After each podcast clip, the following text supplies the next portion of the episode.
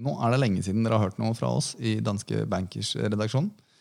Og det har jo selvfølgelig litt med den situasjonen vi befinner oss i i verden akkurat nå. Eh, det er unntakstilstand, og derfor gjør vi også noen unntak her i eh, Danske Bankers. Eh, det vil si at vi fra nå av gir dere en daglig oppdatering på utviklingen i denne pandemien, og også utviklingen i markedet generelt.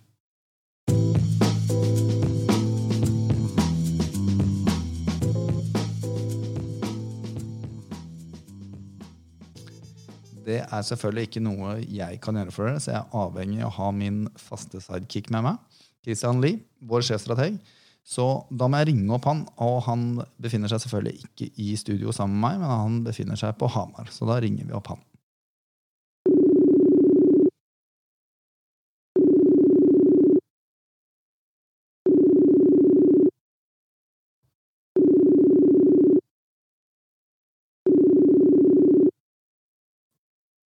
Christian er ikke vant til å bruke Mac, så han vet ikke hvordan han skal ta telefonen på Mac-en når jeg ringer han. Det er Christian. Hei, Christian. Hei. Åssen går det med deg? Jo, det går bra.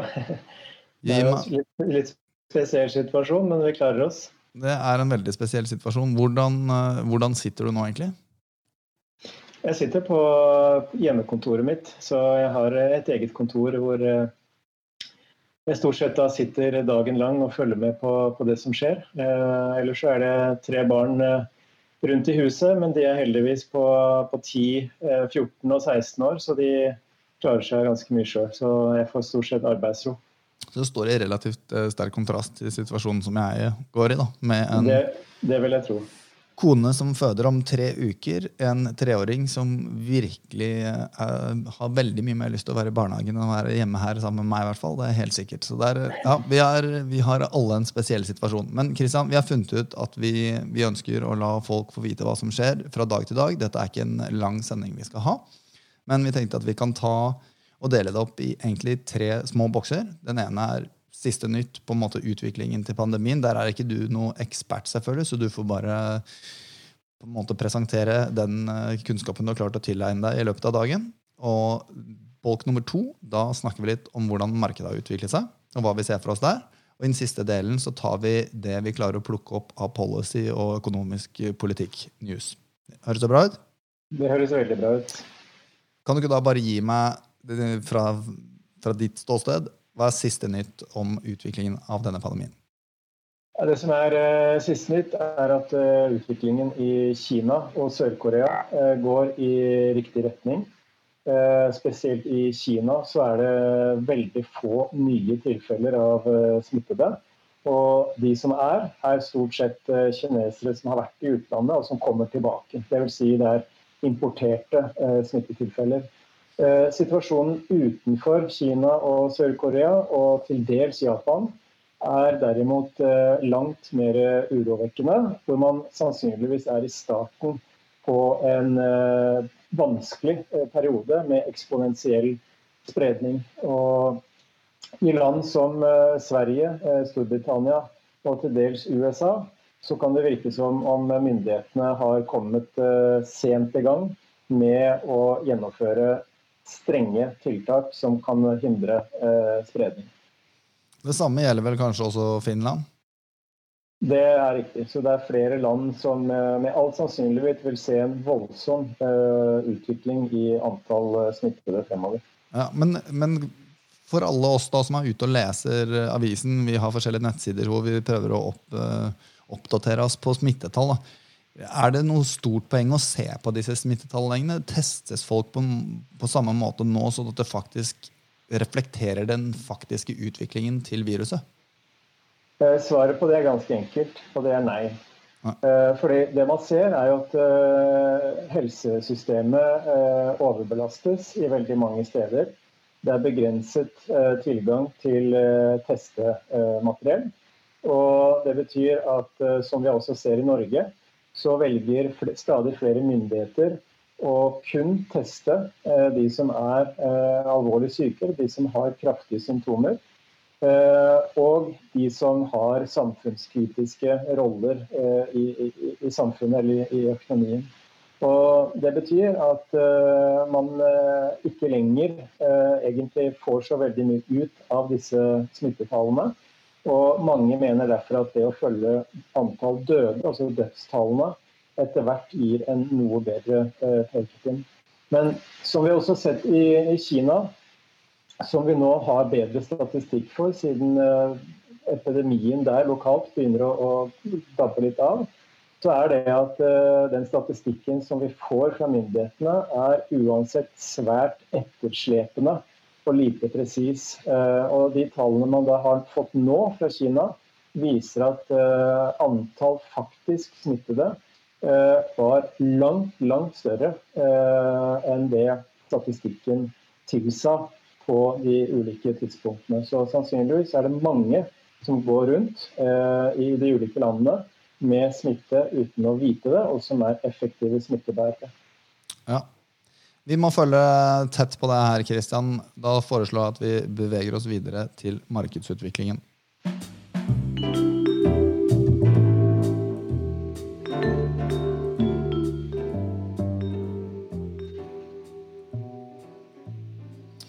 Nå er det vel ikke så veldig mange som ikke har fått med seg at det ikke akkurat har vært eh, grønne dager på børsen i det siste, men eh, prøv å gi oss en kjapp recap, Kristian. Det har vært en så ekstrem eh, situasjon, altså bunnen av av eh, og det jeg sitter og ser på Nå er nettet ditt helt sinnssykt dårlig, Kristian. Er nettet dårlig? Nettet ditt var dårlig, men det gjør ikke noe, det. Hva, Begynn fra nytt igjen. Jo, eh, situasjonen er så ekstrem at eh, bunnen har nesten falt ut av aksjemarkedet som man ikke har sett noen gang tidligere. Eh, det jeg sitter og ser på nå, er at hvis SMP 500, som nå er ned 8,5% Hvis amerikanske aksjer faller 1,5% til, så snakker vi om det største 18-dagers kursfallet i amerikanske aksjer siden 1929. Altså krakket på Wall Street i 1929. Jeg kjenner jeg får frysninger bare jeg sier det. Så, så, dette er en situasjon som man egentlig aldri har vært i nærheten av. Eh, det har skjedd så raskt og så fort. Og det investorene frykter, det er at vi er på vei inn i en global resesjon eller global depresjon og med finanskrise. Og det første jeg tenker da, Kristian, Eh, da tenker jeg bare ok, hvis, hvis, det er så ille Hvordan gikk det etter cracket i 1929? da? Hvor lang tid brukte faktisk økonomien på å hente seg inn igjen etter en sånn uh, breiside som det der? Ja, altså, eh, selve, selve økonomien eh, kom jo ikke, ikke, kjapt tilbake, men man fikk jo en, en relativt eh, OK utvikling eh, etter hvert som man nærma seg 40-tallet, og, og, man fikk jo faktisk en, en, en viss økonomisk oppblomstring også under krigen pga. investeringene i forsvarsindustrien osv. Men uh, for aksjemarkedet sin del så tok det jo veldig veldig mange år for å komme tilbake.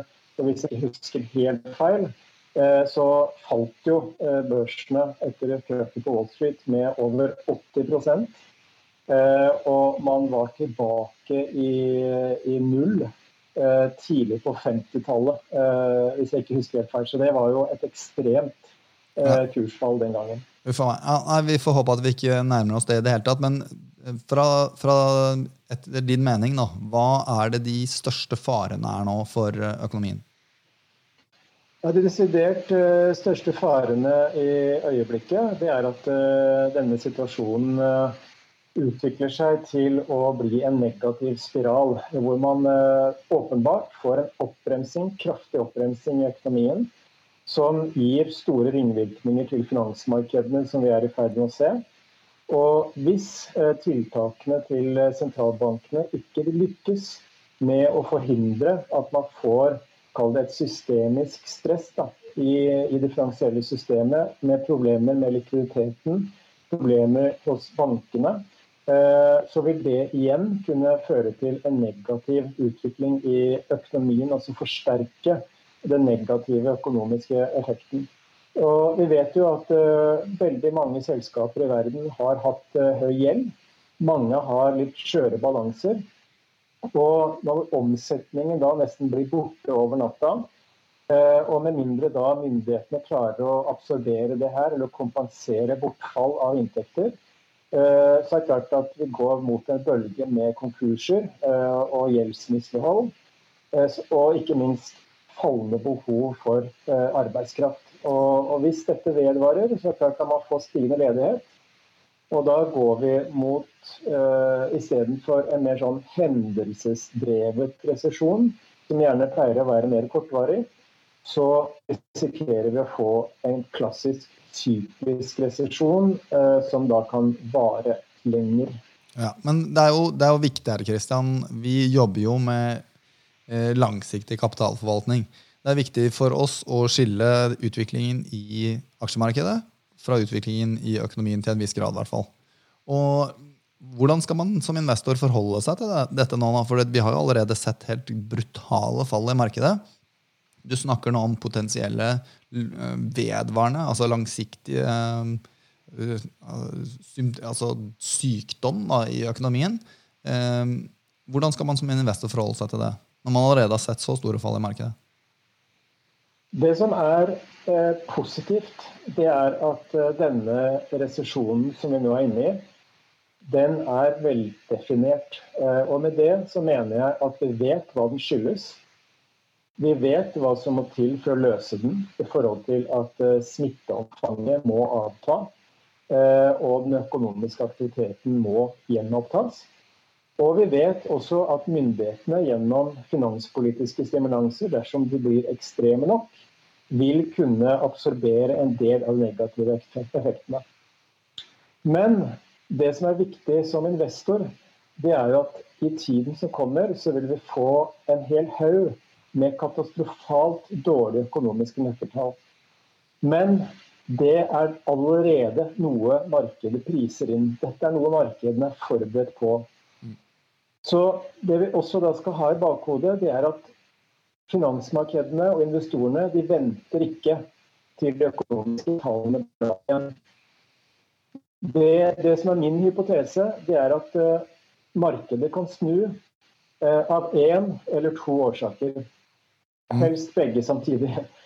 Det første er at vi får en positiv utvikling i smittetakten utenfor Kina. og Da tenker jeg på Europa først som ligger lenger fremme i løypa enn det USA gjør.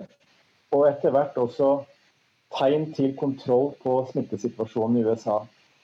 Det er det ene. Det vil kunne utløse en lettelse eh, og et håp i finansmarkedene som det nå synes å være blottet for.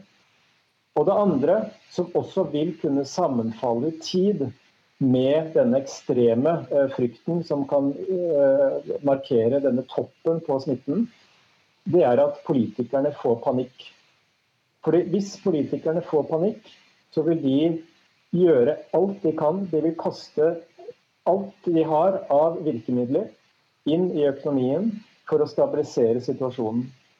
Og når de gjør det, når de får panikk, så kan det være tilstrekkelig til at man får en viss stabilitet eh, i forventningene hos investorene. Og Hvis det da sammenfaller i tid med at smittespredningen topper ut, så vil det kunne utløse et uh, sinnssykt uh, rally i, i, finansmarkedene. Okay, det hørtes jo allikevel ikke fullt så bra ut. da. En, en bedring i sykdommen og panisk uh, policymakers, så er vi der, med andre ord. Men siden du nevner policymakers, så må vi bare ta én sak til før, før, vi runder av for i dag. og det er den, den siste avgjørelsen fra Fed. Det siste tiltaket fra Fed. Kan du si et par, eh, par, ord om det, bare? For det var jo ganske ekstremt. Ja, det var ekstremt. Uh, og det er uh, første gangen den amerikanske sentralbanken kutter styringsrenten med ett prosentpoeng siden 1982. Det vil si at selv ikke under finanskrisen så kuttet sentralbanken så mye som de gjorde i, i går. Og de lanserte også en lang rekke tiltak som skal sørge for likviditet i, i det finansielle systemet, likviditet i banksystemet. Eh, og de øker også pengetrykkingen ganske eh, omfattende. Det som er bekymringsverdig, det er jo at markedene responderte negativt på nyheten. Og det det kan skyldes, er rett og slett at eh, investorene nå bare erkjenner at eh, Fed har kommet til veis ende på sett og vis i sin kapasitet til å stimulere økonomien.